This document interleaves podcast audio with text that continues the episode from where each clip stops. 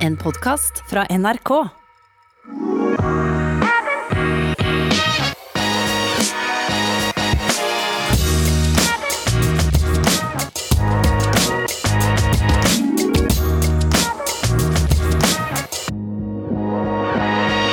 De første skirennene er i gang, men vi gir oss ikke. Vi skal fortsatt snakke løping. Velkommen til I det lange løp, og dette er jo en slags bursdagsepisode.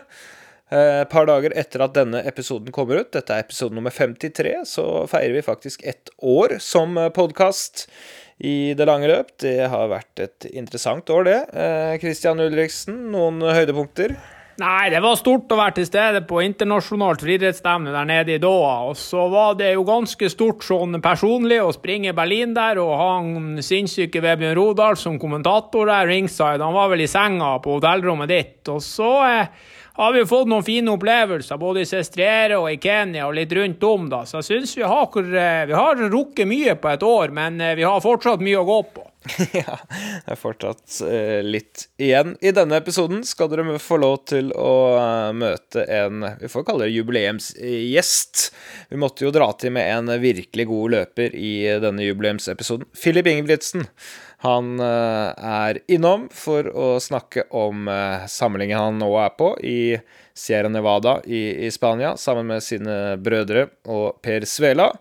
Og han eh, forteller litt om eh, hvor nære han faktisk var å, å legge opp, før han ble europamester ganger to og tok VM-medalje. Eh, og vi lokker selvfølgelig ut noen treningstips, så det må vi ha med oss. Men du Kristian, hvordan går det med deg og trening? Nei, det går bra, altså. Det er fremgang, men vi stoler fortsatt på vår gode fan i Finland, og vi holder oss til, til to ganger i uka. Men uh, pulsen uh, den er faktisk litt synkende, og, og, draglengden er litt lengre, og farta er litt høyere. Så uh, fremgang, faktisk. Men ikke så stor fremgang at vi tar helt av ennå. Du har jo sendt din kjære samboer eh, nordover, i retning Nordpolen, og hatt uh, Sondre Nordstad Moen uh, boende et par dager. Regner med at det er blitt snakket litt løping? Jo da, vi fikk sendt Kvernmo fire uker til Nord-Norge, så vi er helt sikre på at når hun kommer tilbake, så husker hun på hvorfor vi flytta. Så det var greit, det. Og så har vi jo fått inn av Moen. Selvfølgelig hatt en tre-fire runder med litt dopingkontroll der på døra. Fortsatt for dårlig form til å bli testa sjøl, så det går bra nå i, i samboerskapet. Fått inn han Sondre der, så da er det enda litt bedre humør enn når Kvernmo er der, og støvsugeren den får stå helt i ro. Ja, Ifølge sosiale medier så har jo Sondre da trent, og du har sykla.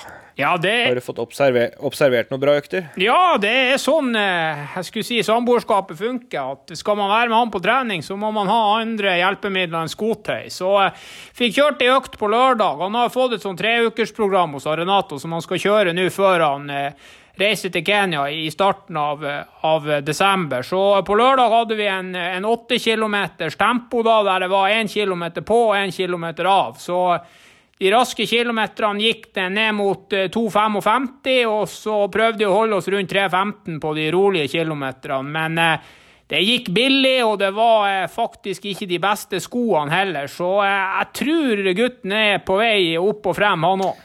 Det høres bra ut. Jeg har jo trent litt siste uka, jeg også. Ikke eh, vært så dårlig. Den dårlige leggen min er i ferd med å slippe litt.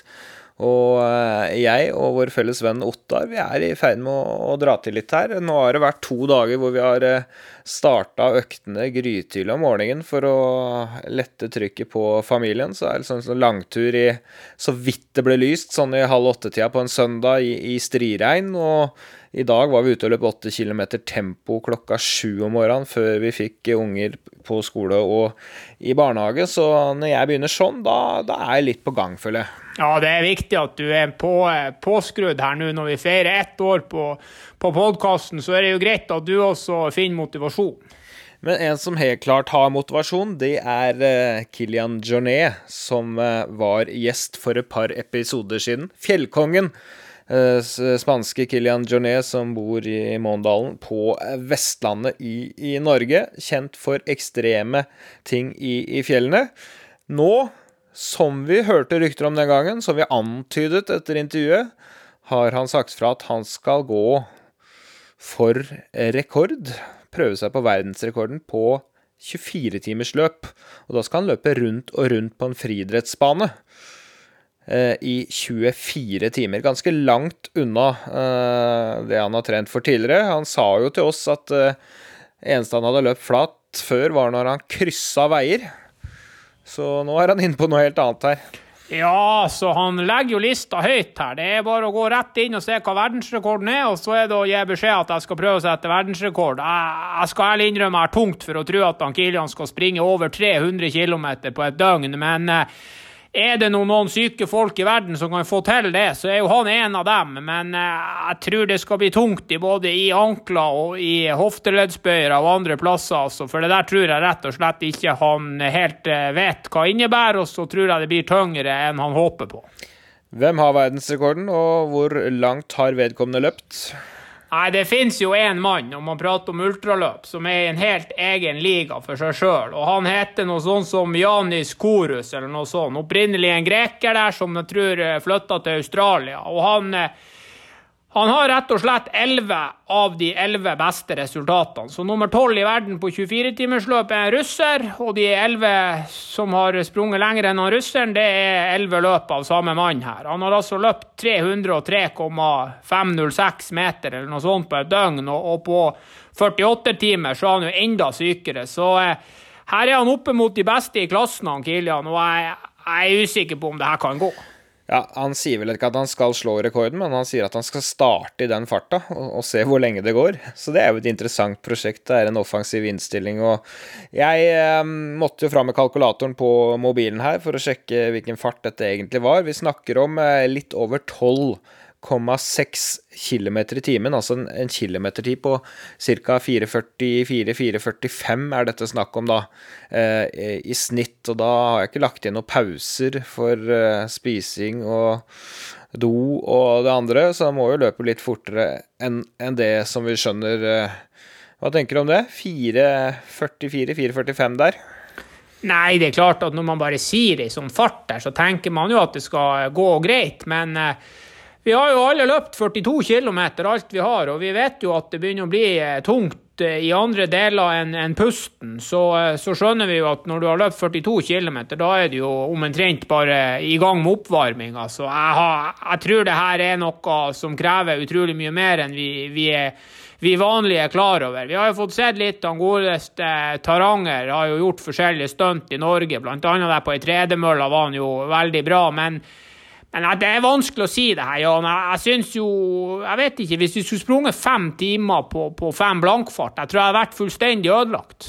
Jeg skulle til å si det. Jeg løp i denne farta her på langtur på søndag, to timer, og jeg var glad jeg slapp de siste 22 timene. Så ærlig skal jeg være.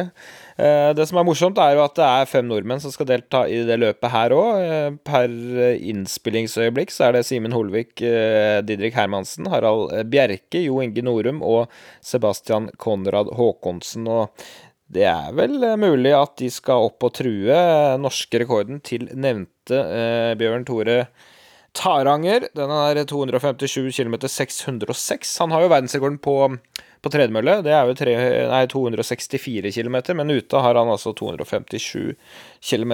Og ja, blir det norsk rekord her, da? Nei. Det tror jeg ikke. Jeg tror ingen av de der guttene der er kapable til å springe så langt som han Taranger har gjort. Altså, han eh, han Konrad Håkonsson og guttene er gode. altså Da snakker vi om folk som har løpt under 2,30 på maraton og har gjort det veldig bra i denne Oslo-trippelen og sånn. Men jeg tror 24 timer det tror jeg er et helt annet ballgame. altså. Det jeg tror jeg har sett litt på de rekordene, bl.a. han som har verdensrekorden på 100 km, en, en japaner. Han har òg løpt eh, steike fort på maraton her. Men jeg tror, jeg tror 24 timer jeg tror, det, jeg tror, nesten ikke det er sammenligningsgrunnlag mot en 100 km. Og jeg tror samtlige av de her blir å, å, kapitulere på veien, og jeg tror fortsatt at kongen av Bergen han blir å, å være nummer én i Norge fortsatt. Får vi håpe at noen får med seg det her før start, så de blir litt motivert, og så beviser at de kan klare det. Didrik Hermansen, som jeg nevnte der, som skal løpe, han har vi jo lagd en episode med. Tidligere topp eh, håndballspiller. Spilte i Eliteserien i Sverige og Norge og, og ble ultraløper. Den episoden kan dere jo høre. Jeg tenkte vi skulle prate litt om uh, sesongpause før vi uh, skal ha intervjuet med Filip Ingebrigtsen. Når jeg sier sesongpause, hva slags forhold har du til den varianten, Kristian? Nei, 2020 det har jo vært en lang sesongpause, så vi kan jo begynne med det. Vi har jo omtrent ikke trent der siden i februar. Men, eh, men, i normale år da, så er det jo blitt sånn at, at i og med at maraton har vært litt greia, så har jo den eh, sesongpausen kommet litt naturlig. Etter en maraton i Berlin så kommer man jo hjem der til Nordpolen i oktober, og du ser ut av vinduet, og da skjønner du at her er det egentlig bare å få tatt seg en liten pause. Og så har det blitt en, en to-tre uker litt sånn naturlig pause, og så har man begynt på på litt lett opptrening igjen. Men hvis jeg ikke hadde vært maratonløper, altså prøvd å sprunge kanskje hvert 5000 meter-løper, og litt sånn som han Filip og for så vidt han Burås og de, de gjengen der har vært, så, så tror jeg jo den der eh, sesongpausen inneholder liksom litt lett jogg for å holde i gang systemet, kanskje trene én gang om dagen, en par hviledager, og så handler det nok like mye om en sånn motivasjonsboost eh, når man da går i gang igjen. At man er liksom Nå er man klar for å trene. Vi har jo, vi har jo hørt han Rodal prate om sesongpause, han òg. Ja, han var jo den som kanskje tok en uke ekstra for å være ekstra sulten da han kom tilbake. Han virkelig var klar for å, å trene. Eh, men det er ganske mange forskjellige varianter ute og går. I Kenya så vet vi om folk som eh, legge bort all løping i både fire, fem og seks uker. Vi skal høre noen av de aller beste løperne i Norge, hva de eh, mener og tenker om dette. Først Tom Erling, eh, Tom Erling Kårbø, VM-deltaker på 3000 meter hinder. Eh, normalt sett så pleier jeg å ta meg en eh, sesongpause på etter barnesesongen. En to, tre, fire uker, typisk i september. Så det er jo noe som jeg syns er litt greit å få slippe seg ned på. Samtidig så gjør det at jeg blir litt utålmodig til å komme i gang med treninga igjen. Han er jo litt inne på det samme som uh, Rodal har uh, sagt til oss. Jeg vil være litt sånn uh, mentalt utålmodig. Vil, vil trene igjen når han går på.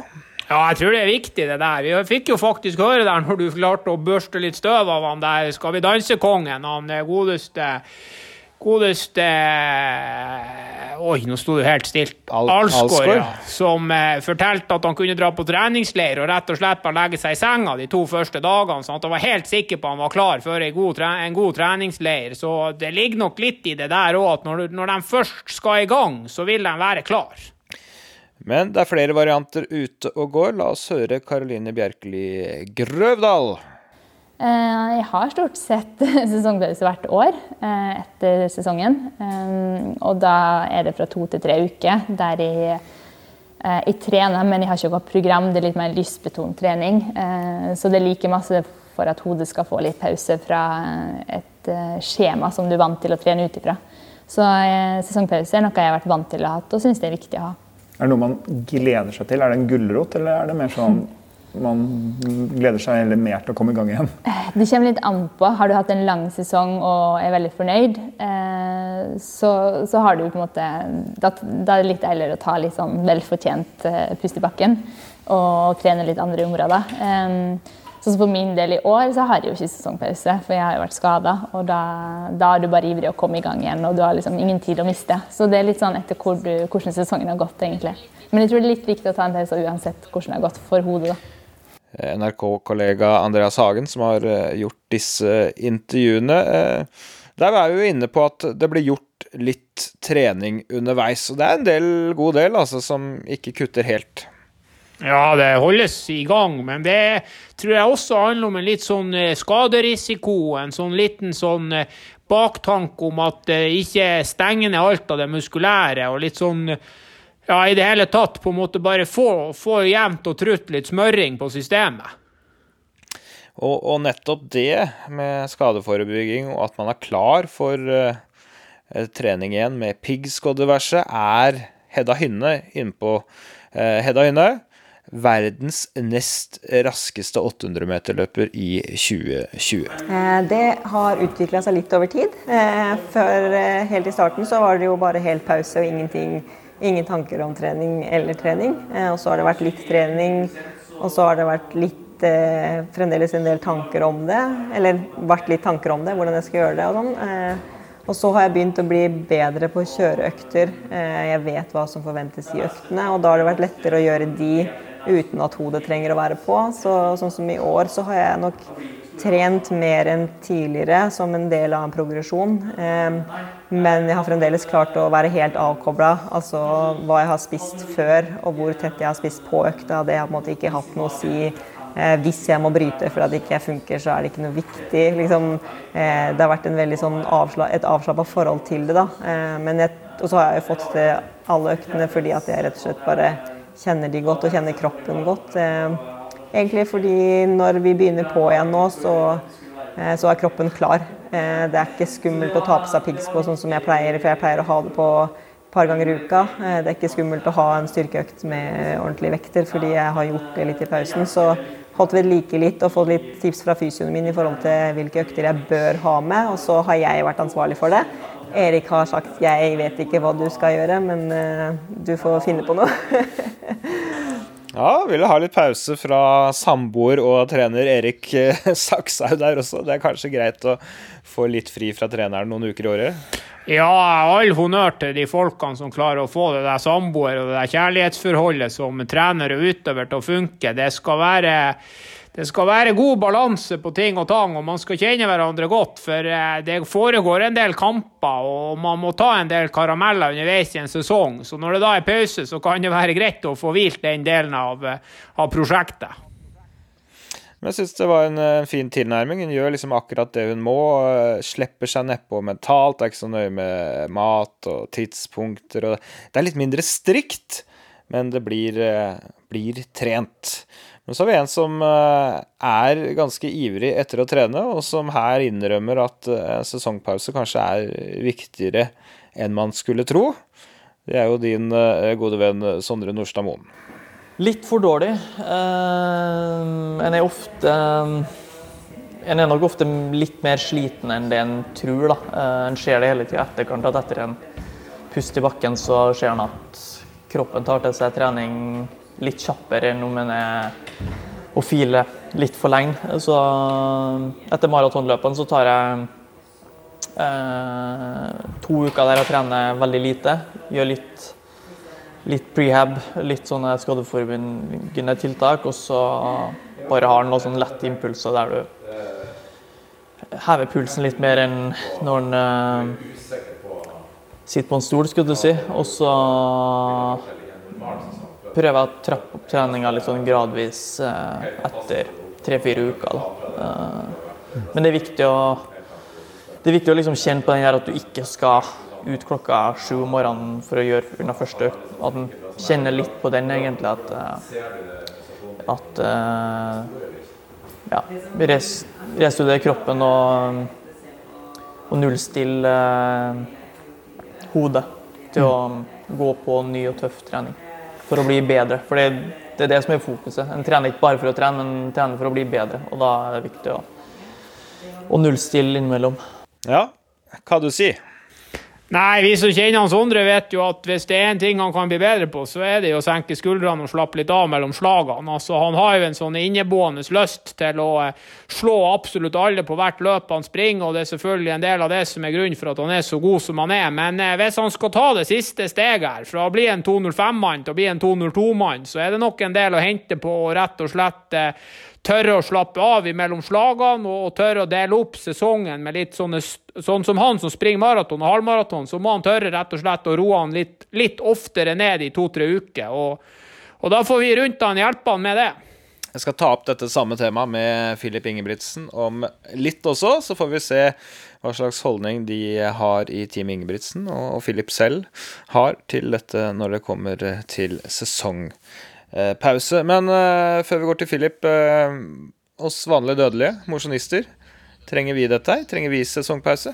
Ja, hvis vi springer maraton, så trenger vi alle pause. Og det handler nå først og fremst om å slippe unna å bli skada, og det andre er jo litt på en måte å la en maraton få synke inn. De, de aller fleste etter en maraton og så etter en eh, tre ukers pause, når de da har fått trent i, i fire-fem uker og bygd seg litt opp, så vil de jo se at de er i bedre form enn enn de har vært før, og at, at den belastninga som maraton, og for så vidt treninga mot maraton, den belastninga det har gitt, det begynner de å høste litt frukter ut av. Så, så pause må man ha, men Men det er klart at eh, noe stor sesong har jo ingen av oss, ikke sant. Så vi må, vi må ta pause etter de viktige løpene, og så får vi heller finne ut når den sesongen er.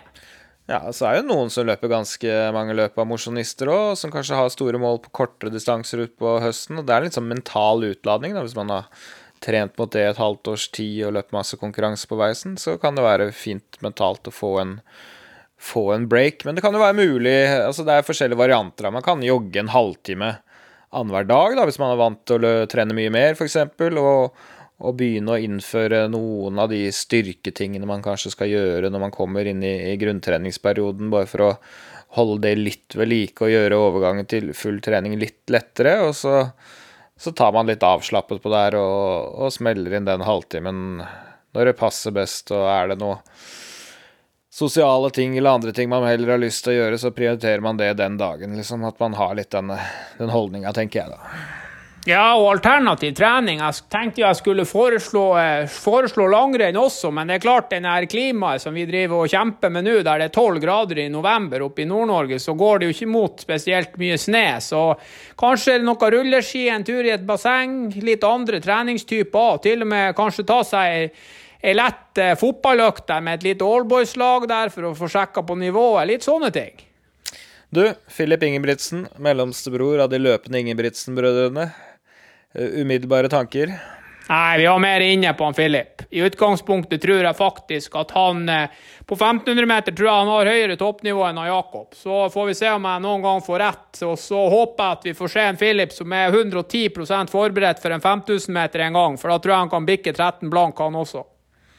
Ja, det blir spennende å se hva han uh, klarer i framtiden. Han har jo hatt en karriere som Den har ikke vært en pil rett til himmels. Han har møtt på sine problemer på veien, men har likevel eh, nådd et nivå som gjør at han er to ganger europamester og, og bronsevinner i VM på 1500 meter. Gutta de er nå på treningsleir i Spania, uh, og det vil jo være litt spennende å høre litt om hvordan en hverdag er, da, når de er fire uker på samling. Det er vel ingen eh, chartertur? Nei, jeg prater jo litt med Filip jeg òg av og til, og så måtte jeg prate med han her nå når jeg hørte at du hadde fått spilt i det intervjuet med han. Så sendte han bare bilde av han Per og han Henrik i bakgrunnen. Begge var helt knust. Så skrev han bare at guttene sliter med å komme seg opp om morgenen, så de er definitivt ikke på chartertur. Nei, la oss gå til en av våre aller beste løpere nå, og en av våre aller beste løpere gjennom tidene, faktisk, Filip eh, Ingebrigtsen.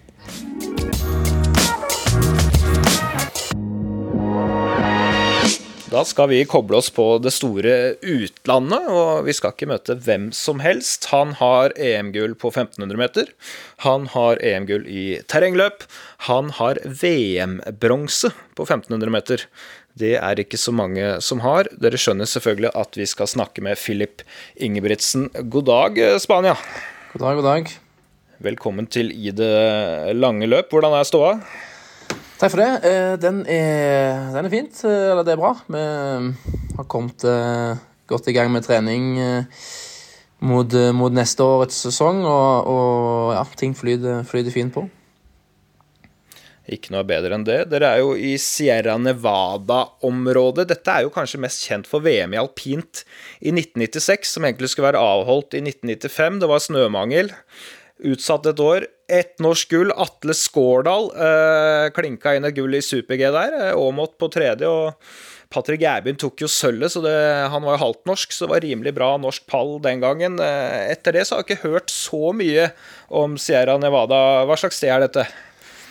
Ehm, det er jo, sånn som du sier, jeg tror det er et sånn utgangspunkt et sånn vinterplass for, for, eh, for uh, folk som, som, bor i Spania. Men uh, de har bygd et eller annet senter her, sånn som jeg skjønte det i 1992.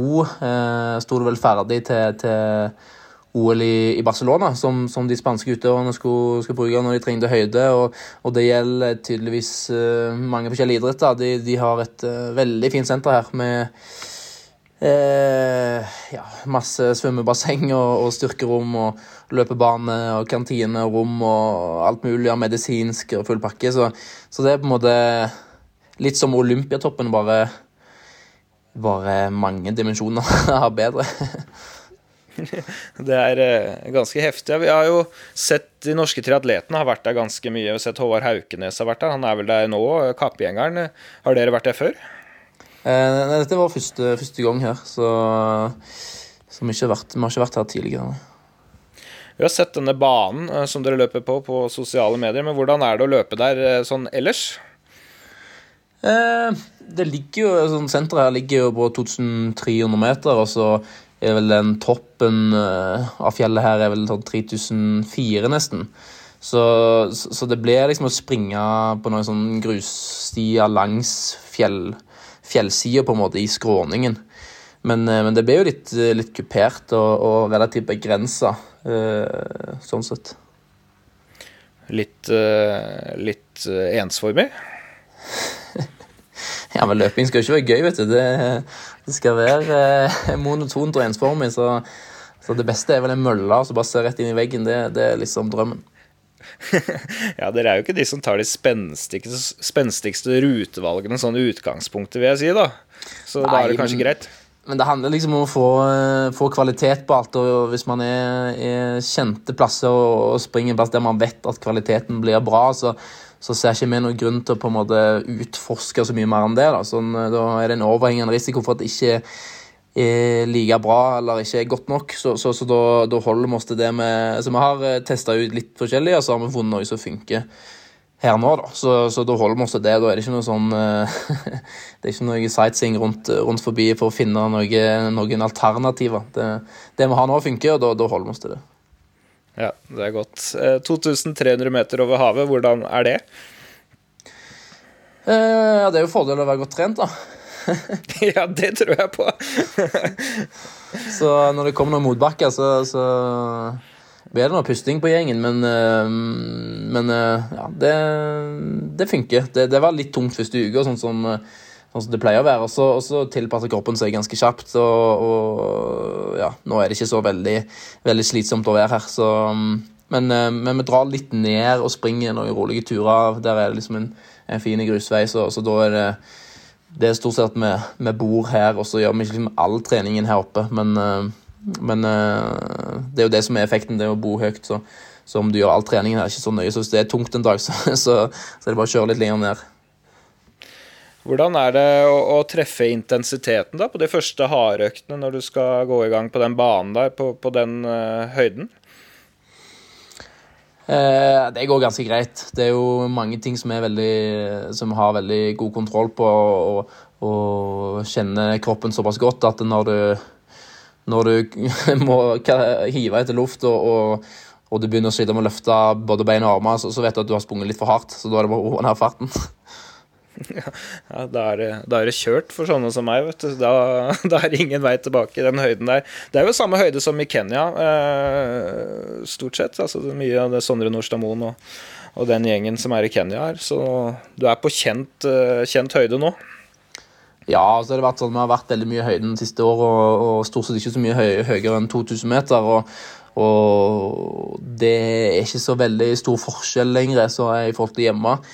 Så sånn sett så er det, er det neste steg er på en måte da å, å, å ja, være i litt høyere høyde. Hvordan er camp-livet for dere der eh, nå? Hvordan er liksom en vanlig dag? Eh, det er veldig rutineprega, veldig sånn robotaktig. Det er liksom stå opp altså, Det er jo litt spesielt nå, er, de har mye tiltak her eh, med korona hos resten av verden. Så det er sånn du får tildelt eh, tider der du eh, Når du får spise, altså når du får komme ned i kantina. Eh, så det er veldig satt, den matrutinen, altså når du får spise. Og så må du eh, booke liksom treningsstudio og mølle og, og, andre ting som du trenger, må liksom booke tidspunkt til. Så, så, alt er veldig liksom sånn låst og satt, sånn at det, liksom, det er bare vår gruppe, da, eller bare oss, som, som trener og spiser når, når, det er vårt tidspunkt, og så, og så rullerer det liksom da for sånn som i kantina. Men, men, det gjør at det er veldig enda mer rutinepreg enn en det pleier å være. Så, så, vi står opp og spiser frokost, og så i sånn Ja, vi har vel kvart over åtte slått-tida vår. Og så er det ut og trene i sånn kvart over ni, halv ti-tida. Og så er det å slappe av litt og um, få litt behandling eventuelt. Og så er det lunsj igjen i halv to-tida. Eller halv to akkurat. Og så er det å slappe av litt igjen, eh, eventuelt sove litt. Og så eh, få seg en kopp kaffe, og så er du ute og trener igjen i, i fem-halv seks-tida. For det blir, det blir, jo relativt tidlig mørkt, så hvis vi skal trene ute, så, så må vi være i gang ja, litt over fem da senest. Og så er det middag, og så er det Ja, så er det middag eh, halv Så er det tilbake og dusje og skifte, og så er det middag halv ni. Og så er det gå og legge seg. Ja. Det høres ut som man må kunne klokka der nede nå. Ja, det, kroppen er relativt uh, stilt inn på de forskjellige tidspunktene. Så, så jeg våkner stort sett åtte uansett når klokka ringer. Men, uh, men, det er også liksom sånn vanlig, så er det jo det er jo en liten sånn by her med mye leiligheter, hotell oppi her med litt sånn kafeer. og vet ikke hva de har og ikke har, men, men alt er jo stengt. Og så er de òg de er veldig strikte her på senteret, at vi ikke får lov å gå så mye rundt forbi, men liksom, hvis vi trenger noe, så, så, så skal de liksom prøve å, å, fikse det for oss, så at vi ikke drar ned til, til kjøpesenter og liksom Ja, at vi holder oss stort sett her, da. Så at uh, ikke risikoen for, for, smitte og å ta med smitte opp her igjen er, er for stor. Ja, det skjønner jeg. Uh, dette høres jo ut som for oss som uh, sliter med det vanlige livet hjemme, kunne kanskje vært artig å tatt en uke sånn, men dere er jo fire uker der nede. Hvordan trives du med sånn fast regime i fire uker på rad? du må jo like Du må jo like altså, Det å drive toppidrett, trene to til tre ganger dagen, det er jo en evig rutine og evig liksom sånn jevn syklus av gjentagelse. så ja, det, går helt fint. Det, du må på en måte skru av hjernen og, og, og gjøre jobben og konsentrere deg om det liksom neste økt og neste økt liksom hele tida. Så eh, vi er ikke her for uh, Vi er ikke på charterferie, liksom.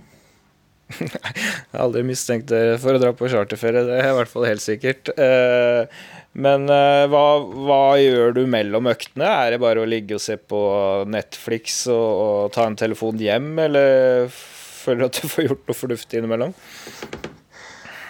Eh, det høres kanskje litt rart ut, men det mest fornuftige jeg gjør, er vel å gjøre så lite som mulig. Uh, og um, ja, ikke styre med for mye andre ting. Så um, jeg prøver å ringe Eller ringe hjem hvis det passer livet hjemme. At uh, Snakke med, med kona og hun lille jeg har fått. Og så prøver å ringe litt til kompiser og høre litt hva som skjer rundt forbi. Jeg har jo litt tid til å slå i hjel, som du sier, så, så, det er greit å utnytte det når jeg er her. Ja, jeg skjønner.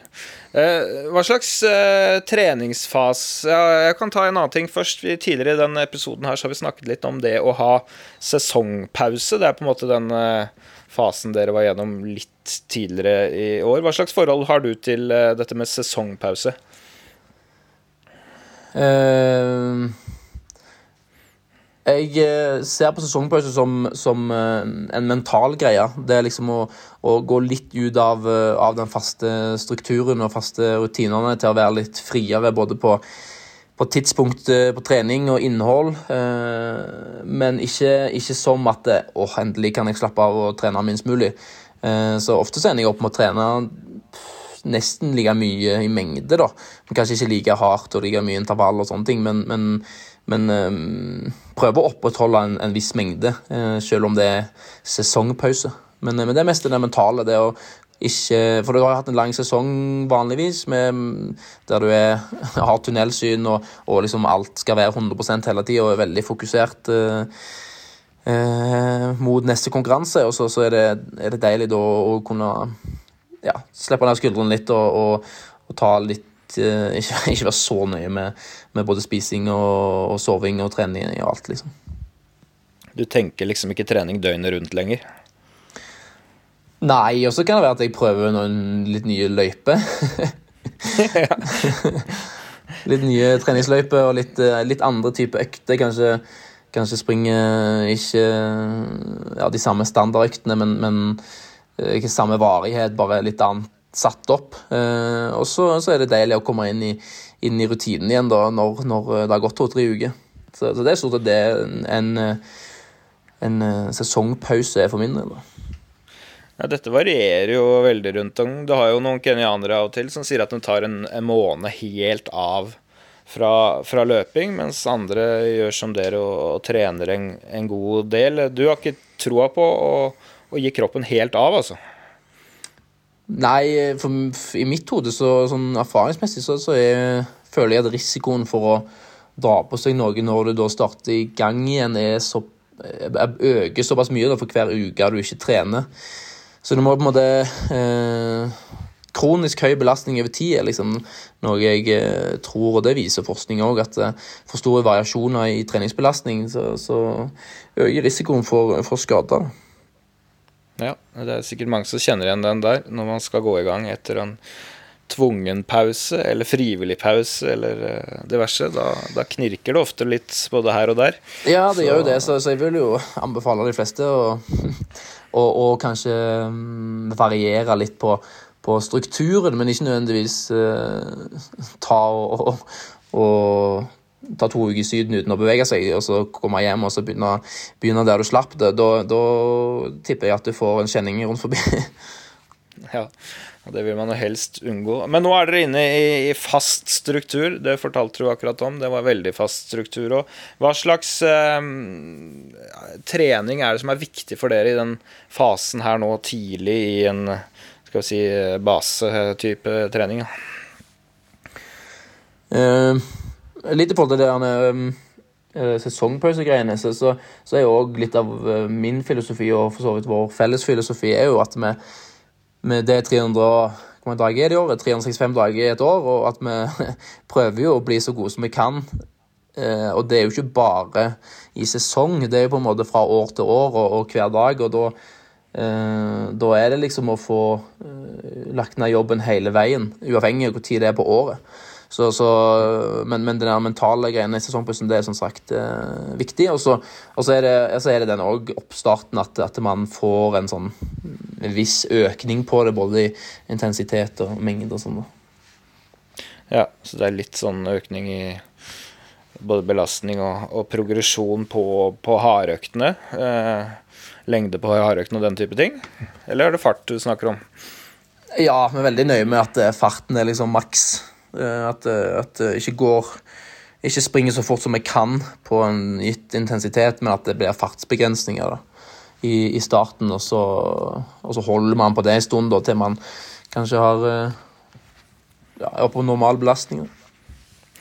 Så det er Gjert som har gått opp og satt sånn fartsskilt rundt omkring? Litt sånn som andre har i trafikken? Får ikke lov til å dra på mer enn gitt antall kilometer i timen? Ja, han har stort sett alltid det, men uh, det er ikke sånn utover året så, så, hører vi ikke ofte så mye på det. Men i starten så er det veldig viktig uh, sånn i forhold til skaderisiko. Det er så kjedelig å få liksom noe noe drit før jul, liksom. Altså noe så, så, du får gjort veldig mye får lagt veldig mye bra grunnlag hvis du får trent kontinuerlig fra du starter opp etter sesongpause fram til, til nyåret. Så, og så mister du jo desto mye, da, så du må liksom ta igjen eller liksom havne litt bakpå hvis du ikke kommer ordentlig i gang før januar-februar. liksom. Jeg sier ikke at det ikke går, men, men, men, den er veldig viktig og en sånn sikkerhet, den, den høst, høsttreningen. Men, men, hvordan er det å få en gruppe som dere, da, som er ekstreme konkurransemennesker? Det er ingen der som liker å gjøre det dårlig eller tape eller den slags, og, og kollektivt holde, holde igjen? Det er ikke fristende å liksom stikke huet fram og dra på litt, hvis du føler deg pigg? Jo, men du har jo mye du kan uh, dra på utenom, uh, utenom, trening. Og så er det jo uh, Man kjenner jo på hverandre hvem som sliter mest, selv om man ikke har, har gasspedalen i bånn. så man får en viss, viss konkurransefølelse, men, men alle har liksom respekt for, for ja, målet med økta, og det det som man skal gjøre. La oss gå litt tilbake i tid. Første gang jeg møtte deg face to face, tror jeg var i 2014. Det var rett før eh, EM i Zürich. Da var det liksom Henrik som var den store stjernen. Du var litt med som, som læregutt, eh, men hadde jo løpt veldig, veldig bra. Men derfra eh, og til det som skjer i 2016 eh, så er det et voldsomt løft. Du, du ligger jo vake på 3.38, 3.40 i, i to-tre år der, og så plutselig er du europamester, du løper 3.32. Eh, med dine ord, hva, hva, er det som skjer i den, eh, ja, de årene der som gjør at du kunne slå gjennom et dunder og brak i Amsterdam? Eh, grunnen til at jeg slo gjennom i akkurat i 2016, var jo mest fordi at det var, uh, var det flere ting som klaffa på en gang, som, som de tidligere ikke gjorde. Uh, for å ta litt 2013, så sprang jeg jo 3.38 det året der. Da var jeg uh, 20. og det gjorde jeg på relativt lite trening og ganske dårlig grunnlag. fordi at jeg jeg eh, var mye sånn småsyk og, og, tålte ganske lite trening før jeg på en måte ble litt slått ut av uh, litt forkjølelse eller litt sånn vondt i halsen og liksom mista noen dager her og der. Så det ble liksom hele tida sånn uh, Måtte liksom ligge og, og balansere hele veien. Uh, så fikk jeg et greit resultat i 2013, og så bestemte jeg meg for å ta mandlene i den vinteren 2013-2014. Og etter det så fikk jeg et, eh, en ekstremt god eh, kontinuitet i treningen. Da, da fikk jeg liksom da tålte jeg mye mer belastning. altså sånn, Jeg trengte ikke å være bekymra for at hvis jeg eh, tok i litt hardt på en trening og det var litt regn og kaldt, så, så ble jeg ikke syk etterpå. liksom. Jeg, jeg hadde en sånn trygghet i bånn at jeg tålte, tålte, det uten at jeg ble syk. Eh, så var jeg veldig godt forberedt uh, og hadde tatt uh, et nytt steg fra 2013 til 2014. Og så Den siste samlingen før sesongen begynte, der, så fikk jeg vel en leverinfeksjon i USA i Det var vel i akkurat månedsskiftet april-mai. Som, uh, som gjorde at hele den sesongen der røyk. Der en såpass stor infeksjon i kroppen gjorde at jeg mer eller mindre fikk et litt sånn All trening ble på en måte for stor belastning, egentlig. Eh, men jeg klarte jo å komme meg til EM, som eh, der eh, du refererte til da jeg traff deg i, i Zürich, men hadde ikke så mye der å gjøre, egentlig. Sånn uh, Ja. Kroppen var ikke helt restituert etter den der sykdommen. Og så tok det lang tid etter den sesongen der ut på høsten før jeg begynte å respondere normalt på trening igjen. Og så fikk jeg en ny god vinter da i 2015, eller 2014-2015. Um, der jeg uh, igjen hadde heva mengden litt og, og bygd videre på liksom, den vinteren 2013-2014. Og så uh, igjen Så jeg hadde hatt litt sånn murring i en ankel uh, den vinteren, altså sånn februar-mars. Og så dro vi til Flagstaff i april, og så begynte vi med litt barneøkt og sånne ting. Så der, og da ganske kjapt fikk jeg signaler av ankelen om at dette her var ikke dette var ikke bra. Så tok jeg eh, eh dro hjem og tok MR, og så, så hadde jeg da brudd i navikulare, eller båtsbeinet, som er et ganske sånn mm, Det er ikke et veldig gøy bein å få, få tretthetsbrudd i, eh, fordi at det er så dårlig sirkulert. Så det tar ofte veldig lang tid å, å uh, bli frisk igjen. Og, og, mange har jo slitt med det i mange år når de har fått eh, Når det har måte, kommet til bruddlinje, og de må inn og, sette inn skruer, og sånne ting, så tar det veldig lang tid å, å, å bli restituert igjen. Så, så, da var jeg vel ute i sånn 10-11 uker, tror jeg, uten løping fra, fra da eh, mai og langt ut Jeg vet ikke hvor langt ut det ble, langt ut i juli iallfall. Og så begynte jeg så smått med å løpe eh, da i juli, og så var jeg med på NM, og så sprang jeg vel sånn tålelig cirka sånn som jeg sprang året før. Eh, mm, og så var det jo å sette i gang igjen da på, på ny vinter uten egentlig noe voldsomme resultater for andre år på rad. Eh, og hadde trent ekstremt mye de ti ukene i løpet av den sommeren der. Jeg lå vel på fire-fem timer trening til dagen. Um, så når jeg da begynte denne høsten, så kjente jeg at, eh, at jeg var ekstremt mye sterkere enn eh, jeg vanligvis var. Jeg eh, hadde jo Henrik som jeg målte meg opp mot hele tida, og var på en måte det høyeste nivået vi hadde på den tida der. Og var liksom Europa verdenstopp på sitt beste. Så, så jeg merka at, at jeg var veldig pigg. Og så det året der var, eller den vinteren der var det første året jeg følte at jeg hadde en sånn ro. At jeg liksom hadde ikke noe å ta igjen. Jeg hadde liksom, Hvis jeg bare holdt det nivået der til neste sesong, så, så, så måtte det jo bli bra. Eh, så jeg tror det var litt det som gjorde at det klaffa såpass i 2016. da, At jeg hadde en sånn ro på at jeg ikke skulle ta igjen noe. Jeg skulle ikke bli så mye bedre. Jeg skulle liksom bare gjøre treningen, og så, og så skulle jeg på en måte bare komme meg til startstreken uten å, å ha for store avbrekk eh, i en sånn kritisk periode som, som den april-mai eh, er. da. Så ja. fikk jeg til det, og da ble det jo ganske greit i, i 2016. da. Ja, for, da, for de som ikke er så inni det, så framsto det som liksom litt større sjokk den gangen. Ikke at det skulle være bra, men at det liksom skulle være best i Europa og kandidat til å ta OL-medalje etterpå, liksom. Det var, det var, voldsomt. Men du følte deg liksom trygg på at det var nivået i, i, i lang tid den vinteren, du da, pga. at du kunne måle deg mot Henrik og, og visste hva treningen deres og, og, hans nivå sto for? Ja, for Problemet var jo liksom at ikke at jeg ikke hadde blitt bedre fra 2013. Jeg visste jo at jeg hadde blitt bedre fra 2013 til 2014 og fra 2014 til 2015 osv., men jeg hadde jo ikke fått det ut i et resultat. Men jeg visste at jeg sånn treningsmessig og, og, sånn hadde jeg jo fått gjort veldig mye god jobb, og, og visste at nivået eh, hadde jeg hevet betraktelig fra 2013, da.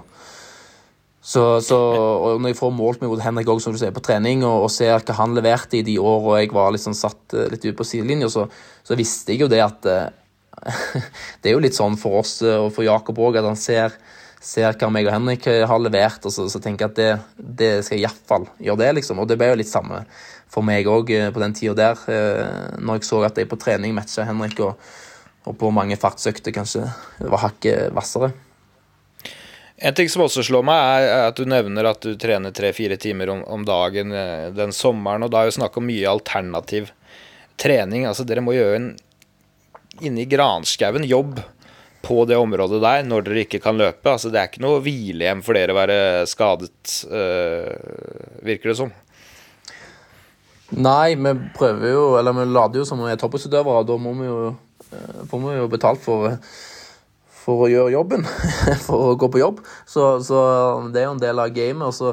Og så var det litt øh, sånn den, akkurat den Det er vel da jeg har trent mest, tror jeg, alternativet. Og da var det òg fordi at jeg visste at det kom et OL i 2016 eh, som jeg hadde på en måte Fra 2012 så var det det som var målet hele veien, og jeg sa at eh, jeg skulle kompromissløst satse til, til etter OL, og så skulle jeg ta en vurdering etter 2016-sesongen om, om, eh, det var liv laga, om det var noe poeng i å, å, satse videre. For eh, jeg er jo såpass oppegående, vil jeg sjøl påstå, at jeg Uten resultat, altså, så, så, så Ja så må jeg finne på noe annet. Da, da er det utdanning og jobb og, og ja, gjøre noe fornuftig. Det er det å drive på selv om det er gøy, og selv om jeg liker å være aktiv og selv om jeg liker å holde på med en eller annen form for idrett, så, så, hadde det på en måte mer blitt sånn hobbybasis uh, hvis, hvis resultatene hadde uteblitt uh, til og med 2016. da.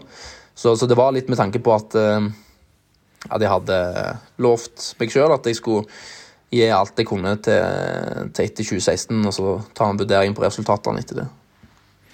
Så hadde det oppstått en eller annen sykdom eller skade eller et eller annet tull for tredje året på rad der, så, så, er det ikke sikkert du hadde vært løper i dag? Nei, for den satt veldig langt inne, den i 2015. For da hadde jeg liksom eh, Jeg hadde hatt eh, bra nivå inne i 2013, eh, sånn norsk, sett med norske øyne, men, men jeg følte fortsatt at jeg var ganske langt vekke. Og når jeg da fikk liksom to det er lett liksom å si 2014-2015, men det er ganske lenge. Når du er liksom 21 og 22-20 år, så er det ganske lenge uh, uten å ha noe ordentlig resultat.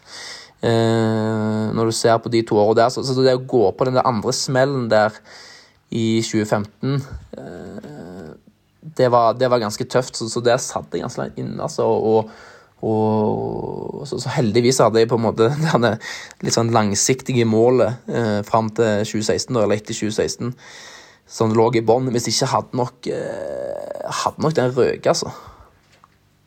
Ja, Det var bra det holdt den vinteren, og du fikk vist hva du var god for. For eh, det ble jo da EM-gull. Eh, OL gikk jo litt uh, som det gikk. Det skal vi ikke rippe opp i, men det ble 3.32 etter OL, da, så du fikk jo da flytta den persen din seks sekunder og en, en finaleseier i EM. Da, da, var det vel litt lettere å gå på igjen?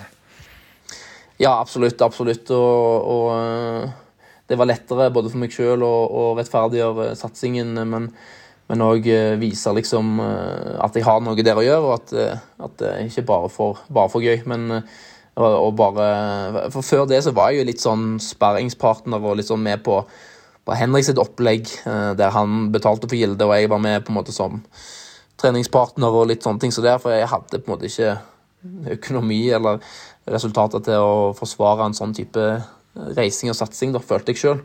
Så, så, det var Det var veldig sånn godt eh, å, å bekrefte overfor meg sjøl og, og vise for andre at jeg at jeg eh, kan eh, produsere litt resultat av Ja, det, det, tror jeg på. Og det var litt av en, en, seier. Jeg husker godt den finalen der i Amsterdam, og så, så dukket du opp i VM året etterpå, da, og tok bronse i en uh, VM-finale.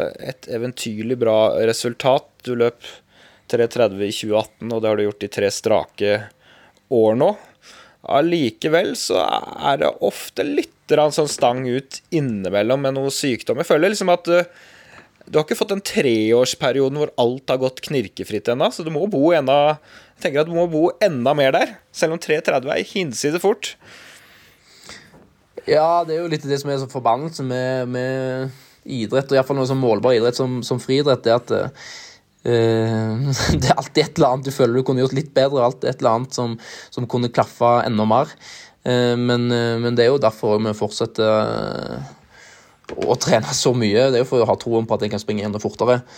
Så, um, så ja, jeg, jeg, tror jo på det at jeg kan springe fortere enn 3.30. og det, det, En eller annen gang så må det jo gå inn. Men, men om, om, det ikke går, så, så har jeg jo fortsatt andre distanser. og og se hva jeg kan springe på, for det er like mye det føler jeg som eh, driver meg. Det er liksom utvikling og, se den nysgjerrigheten på å se hvor fort jeg kan springe på de forskjellige distansene. Men uh, foreløpig så er det jo 1500 som uh, Jeg må smi liksom litt mens jernet er varmt. Ja, det skjønner jeg. Da er det jo der du er tettest på å kunne ta en global tittel. Og hvis alt stemmer, så hvorfor kan ikke det skje? Du du har jo så mye i kroppen og løper så bra at, eh, at det her må være alle muligheter.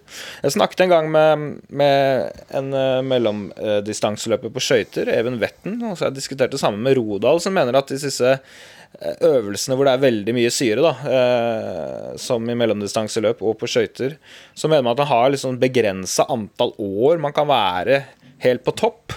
Uh, var de inne på. Uh, jeg har ikke peiling, aldri løpt bra på disse distansene.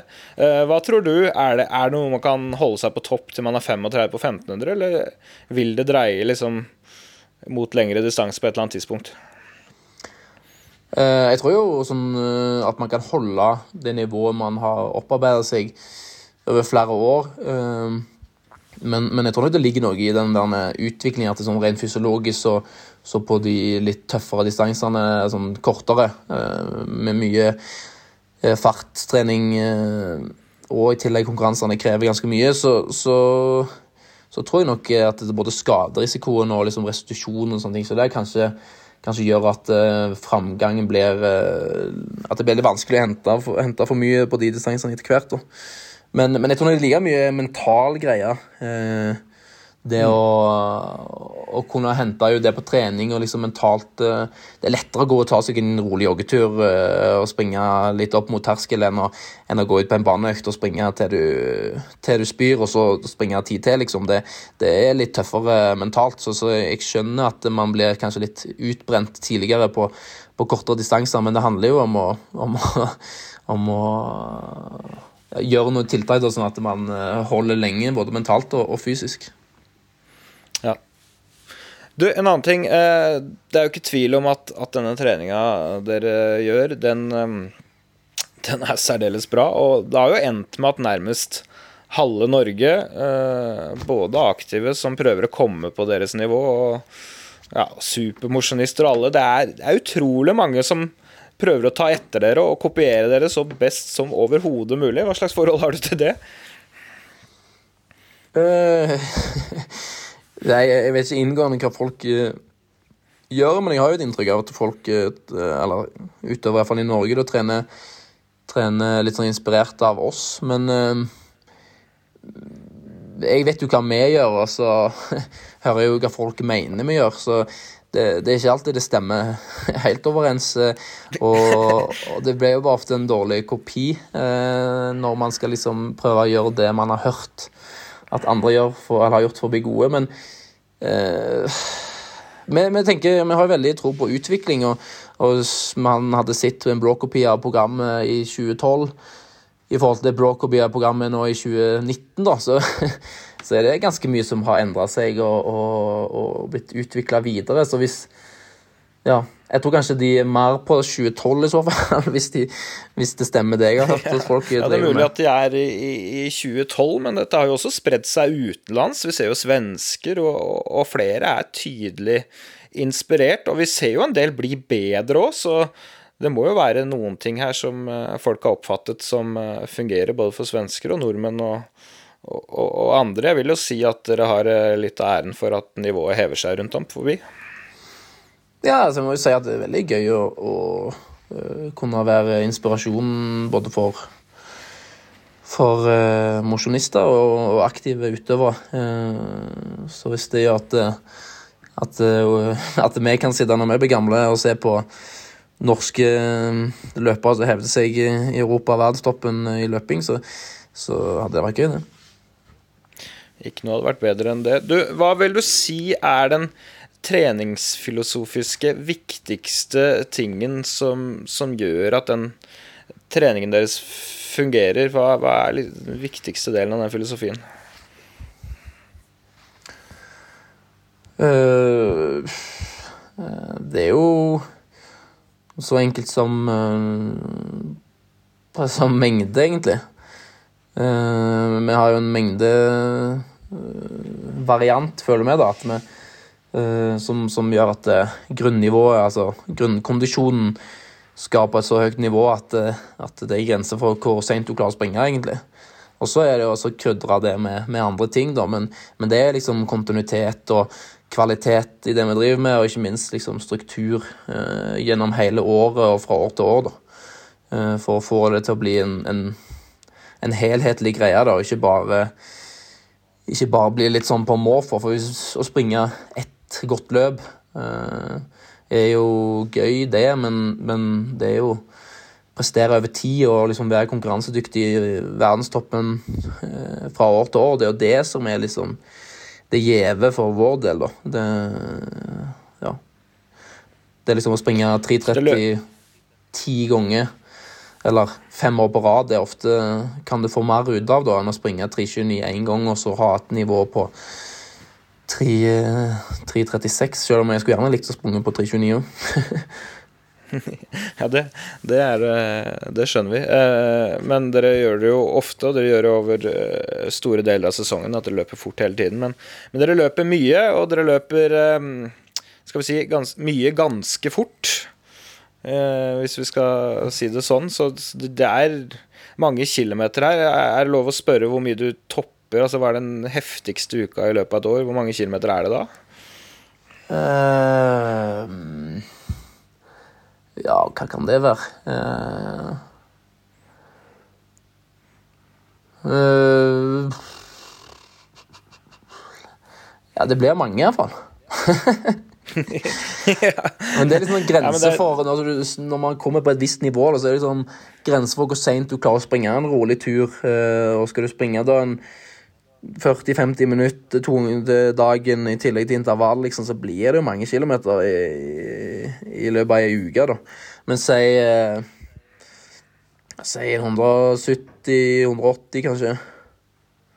Ja, altså, Det er noen som tror liksom at å løpe 1500 meter det er ikke så langt, så da trenger man ikke løpe så mye, kanskje. Men uh, dette er jo de samme mengdene som vi ser uh, folk som satser 10 000 og, og maraton og, og, flere andre som ligger rundt der. Så, så, det blir løpt. Det var mer det jeg skulle, skulle fram til, at her, her, legges det et grunnlag. Ja, men du må ikke glemme at jeg er jo en terrengløper, uh, så, så, da må man springe. ja. Norsk terrengmester av året, eh, Filip Ingebrigtsen. Også europamester, så eh, det varierer litt mer på de lengre distansene. Det er noen innertiere der. Det ser ut som du kan løpe i samme fart i en evighet, og så er det andre dager hvor det, det butter litt mer. Men eh, eh, det er jo kanskje perioder av sesongen hvor du ikke har satset på å være i form, så det er kanskje sånn. Ja, det, det blir jo det. Noe som blir prioritert mer. Men, men stort sett så vi, vi, er ikke veldig redde for å konkurrere, selv om vi vet at, at vi ikke burde det sånn, rent sånn resultatmessig. Så, så, det er liksom den, Det rushet med å konkurrere og det å ha mulighet til å springe et bra løp, den trumfer liksom den realistiske forventningen til om du faktisk kommer til å springe bra eller ikke. Så, så det er liksom alltid en promille eller en liten sjanse for at du kan ha dagen, eller at det mot alle odds skal gå veldig bra, men, men skal du se liksom realistisk på det, så, så, så, er det jo noen løp som burde, burde vært stått over. Men, eh, men eh, vi slipper jo litt trening da når vi, når vi konkurrerer, så, så aldri så galt. Er ikke godt for noe. Nei, men jeg syns det er tøft. Ja. Det fins jo de eh, løperne som alltid kun stiller i konkurransen når de vet de er 110 forberedt.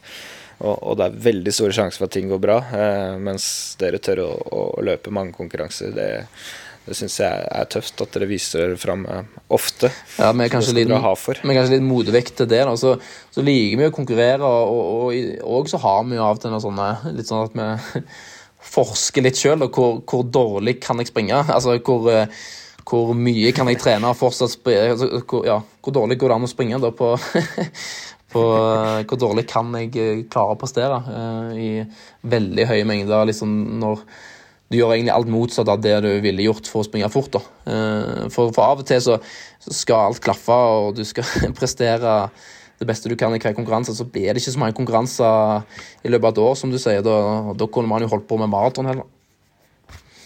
Det er bra at dere får testa grunnivået en gang eller to i året òg. Ja. Vi skal uh, snart uh, runde av dette, men vi vil jo gjerne ha noen tips til mosjonister, supermosjonister, andre som, som, trener mye, og mange av de lytter til denne podkasten. Uh, så Philip, du har jo løpt noen jeg holdt på å si 1000 intervalløkter i ditt liv. Hvordan mener du en intervalløkt bør gjennomføres? Det er klart det er mye forskjellige måter å gjennomføre en intervalløkt på, men min klare oppfordring til mosjonister er jo å springe eh, egentlig hele økta så jevnt som mulig. Eh, så typisk da har du 10 ganger 1000, så starter du kanskje Si at du har en måltid på 3,20, da, som, som ser det er realistisk for å ligge på terskel. Eh, så begynner du kanskje på 2-3 sekunder senere enn det, og så kan du avslutte to-tre sekunder fortere enn det. det sånn.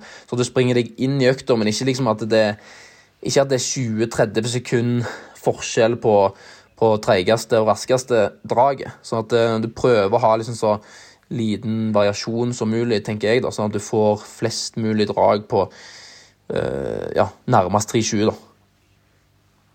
Og bør man da eh, ta, ta, dette ut fra tidligere konkurransetider? Bør man ha noe puls i mente her, eller bør man rett og slett gå til innkjøp av en laktatmåler? Hva tenker du? Ja, det tenker jeg jo veldig individuelt. Det må jo gå litt på erfaring og den erfaringen folk har. Så hvis de har løpt noen konkurranser, så kan de jo ta utgangspunkt i det. Har de løpt De må kanskje prøve seg litt fram på den type økt.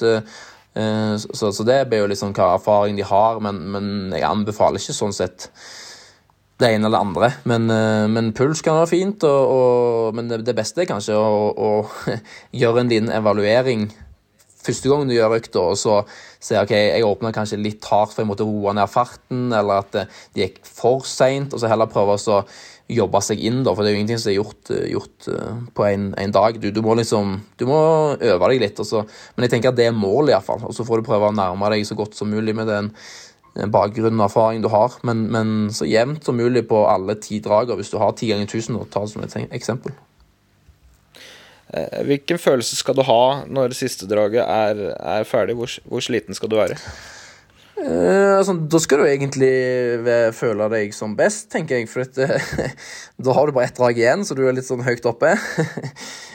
eh, at det snart er ferdig. Og så har du jo hatt eh, åtte-ni drag på, på å varme opp. Altså komme i gang og få pumpa til å slå og, og, og sånn. Så hvis du føler deg på ditt verste på den tiende på siste draget, så, så har du gjort noe feil, tenker jeg.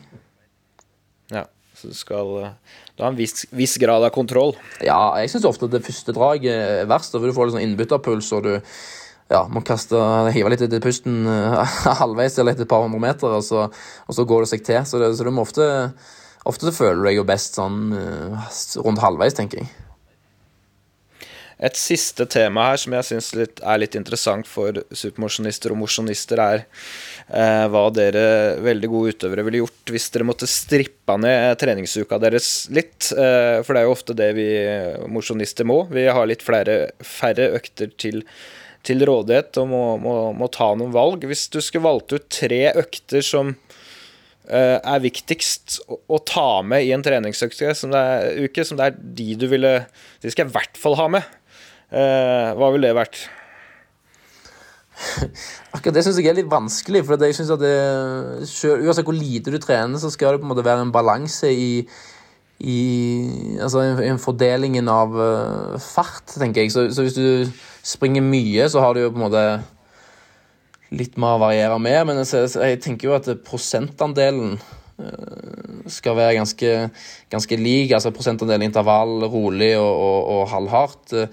Men, men uh, tre økter så tenker jeg at du må ha én rolig, da, uh, med, med litt, litt lette drag, kanskje. Og så en intervall av et eller annet slag som, som kanskje går fra terskel til litt hardere.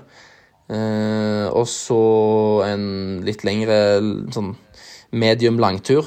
Men, men så kan på en måte ikke innholdet på de tre være så veldig stort heller, for den totale mengden er jo såpass liten. Så altså det beste hadde jo vært å bare springe én trening og så springe veldig mye og gjøre alt på en gang, men, men, det er jo ikke sånn kroppen funker. Du må på en måte belaste den litt sånn jevnt over tid. Altså jeg vil jo absolutt ikke anbefale for folk som vil gjøre noe fornuftig i løpet av ei uke treningsmessig, og gjøre det bare tre ganger. Men, men som du sier, eh, livet handler jo ikke bare om, om eh, løping, kanskje, for, for folk flest. Så, så, så, da er nok det fint. Da. Men jeg tenker, jeg tenker, det viktigste er å få løpt noen kilometer. Så, så det må være noen kilometer eh, på de, de øktene. Sånn at du iallfall springer 10-12 km totalt, da. Det må folk klare å få ja. til. Det, det, er nok mulig. Og så får man prøve å bygge opp eh, på, på, den måten man vil og føler for. Da. For av og til så er man jo litt sliten og har spist litt feil eller litt for tett på eller litt for langt ifra. Så, så, så er det kanskje ikke optimalt, så da må du på en måte trikse og mikse litt. Men, men øh, kanskje en rolig en intervall og så en langtur, da. ja. Hvis du tenker en annen variant, da, hvis, hvis du har tre økter hvor um det er de du satser på denne uka. Så får du tid til å løpe litt ellers òg, men da blir det kanskje noen korte, rolige turer på 8-10-12 km de andre dagene, da, men uh, som du får skvisa inn i et eller annet uh, dagsprogram. Men du har liksom tre økter til rådighet hvor du kan legge litt mer innhold. Ja, sånn, ja. Mens du har, har, en rolig base resten av uka. Jeg ville jo sånn eh, på generell basis og, og sånn over tid så ville jeg jo sprunget sprunget en, eh, en rolig langtur, da. På eh, litt lengre enn normalt. Og så i intervall eh, på, på, terskel, og så kanskje en kontinuerlig litt eh, sånn terskelaktig. Så at du får liksom eh, Da får du gjort ganske mye på kort tid. Så, så får du på en måte litt sånn spesifikk Jeg regner med at de fleste ikke springer 1500 meter, men litt lengre sånn ti, halv, kanskje hel. Eh, og at det da eh, mm. kan være forsvarlig å, å, springe noe litt kontinuerlig og kjenne litt på, på det å ikke få de pausene innimellom. En sånn tempovariant, en intervallvariant og en langtur. Ja. Også, også hvis du får løpt, men, men det innebærer nok at du får løpt noe rolig imellom. da. Det er jo litt lettere å få skvisa inn her og der. Det her kan jo egentlig du mer, eh, mer, om enn meg, for å være helt ærlig. Eh, jeg prøver å tenke litt hvor mye klarer jeg å trene uten å, å bikke over på en eller annen måten. Eh, og ikke sånn hvor, hvor, lite, hvor lite, kan jeg slippe unna med, men, eh, men kanskje man har godt av å tenke litt sånn òg. Ja, det, det, er jo forskjellig. Vi, vi, hadde jo i forrige episode eh, besøk av Thomas Fremo, som var hva har du fant ut? 14 sekunder bak deg i mål på hytteplanmila og, og trente en 60-70-80 km i uka. Så hadde iallfall lykkes å gjøre maks ut av, av, det, selv om det var et dårlig løp selvfølgelig for din del. Så, så er det noen som løper for ganske fort på ganske liten mengde. Da. Ja, det tenker jeg. Eh, jeg skulle nok klart å sprunge 29 blank på ganske lite trening eh, etter jeg la opp. Det tror jeg. Så det kommer veldig an på utgangspunktet.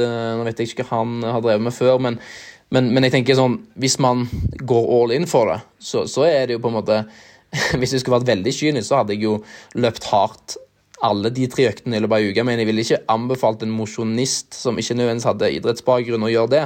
Men det er jo absolutt den største effekten. Det er jo å springe hardt, altså en halvhardt hver gang du tar på deg skoene. For du har jo veldig mye tid å restituere deg, så du blir ikke overtrent iallfall. Men så er det en skaderisiko som kanskje er litt høyere. da. Ja, det er, mye, det er, mye, som skal inn her. Dette kjenner jeg, dette kan vi diskutere videre hvis vi får en, en løpetur igjen i 2021. Ja. 2020 var, var ikke tida for det. Jeg lurer på om dette, ja. Jeg har hørt Marius Bakken. Han jo, har jo løpt ganske greit eh, på 5000 tidligere. Uh, og han tror jeg eh, holdt formen ganske greit med å springe terskel, eller liksom sånn Det er det jeg har hørt, da. Uh, at han bare, hver gang han tok på seg joggeskoene, så, så, sprang han ja, tre blankt, da, eller etter tre ti altså på, på, mølla, og så bare uh, holdt på og, og, uten å jogge noe imellom. Det er jo veldig effektiv trening, og du trenger ikke veldig mye institusjon, men, men det er jo det om akilleser og legge, altså gammelmannslegger og de tingene her holder holde mål. Vi skal få tak i Marius Bakken, så hører vi han, han, selv. Og så håper jeg det er mange år til du selv trenger å tenke på den måten der. ja, det håper jeg. Ja, Det er bra. Tusen takk for at du eh, gjestet i det lange løpet, Philip. Og, og, så får du hilse resten av gutta der nede, og så ha en fortsatt god eh, treningsleir. Takk for det. takk for det. Jeg skal, skal hilse gjengen. Det, det, er greit å ha noen andre å snakke med enn bare, enn bare de, de, som er her. Det er godt å høre. ha det godt. Ha det, ja.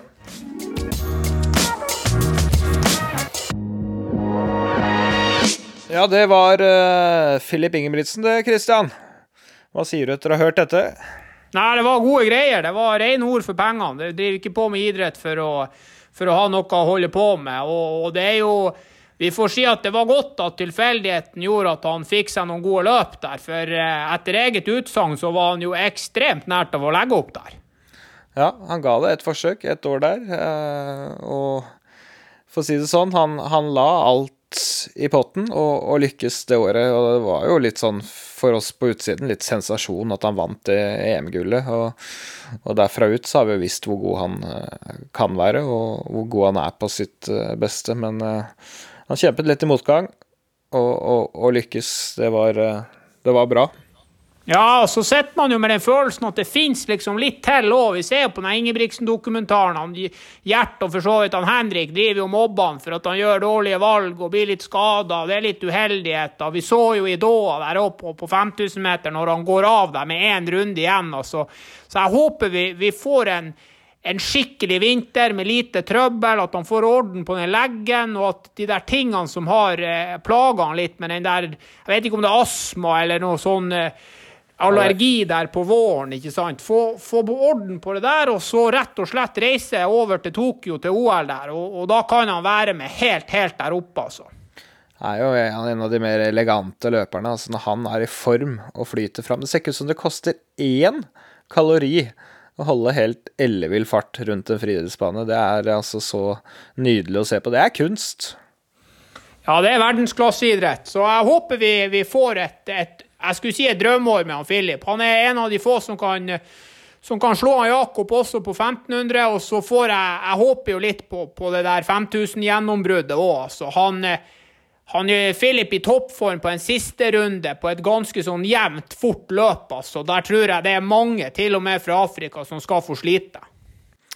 Noe treningsfilosofimessig du eh, tar med deg her? Han, han snakker om at eh, de legger vekt på det du kan gjøre ganske mye av. Det, det er viktig?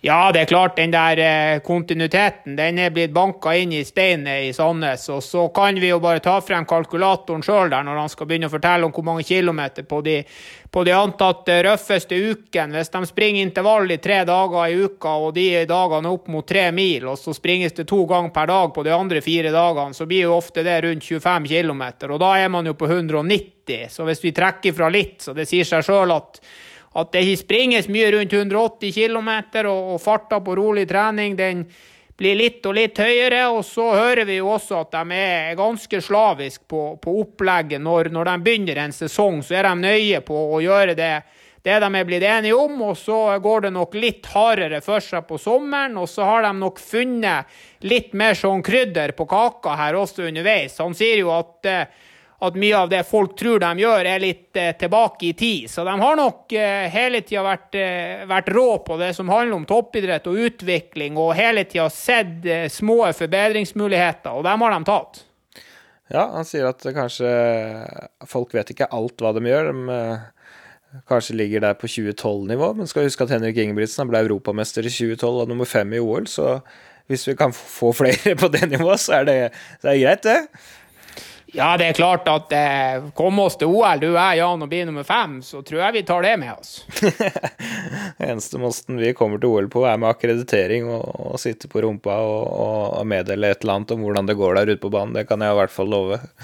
Men det var eh, fantastisk å ha Filip Ingebrigtsen eh, med i denne lille jubileumsepisoden vår. Så får du eh, fortsette framgangen. Skal jeg prøve å trene litt, jeg også. Er jo akkurat uh, idet denne episoden slippes på, på Beitostølen og, følger med på noe skirenn. Får se om han blir inspirert til å, å, trene litt der oppe. Det er det gode muligheter for. Tusen takk for at dere lyttet. Velkommen tilbake igjen om en uke.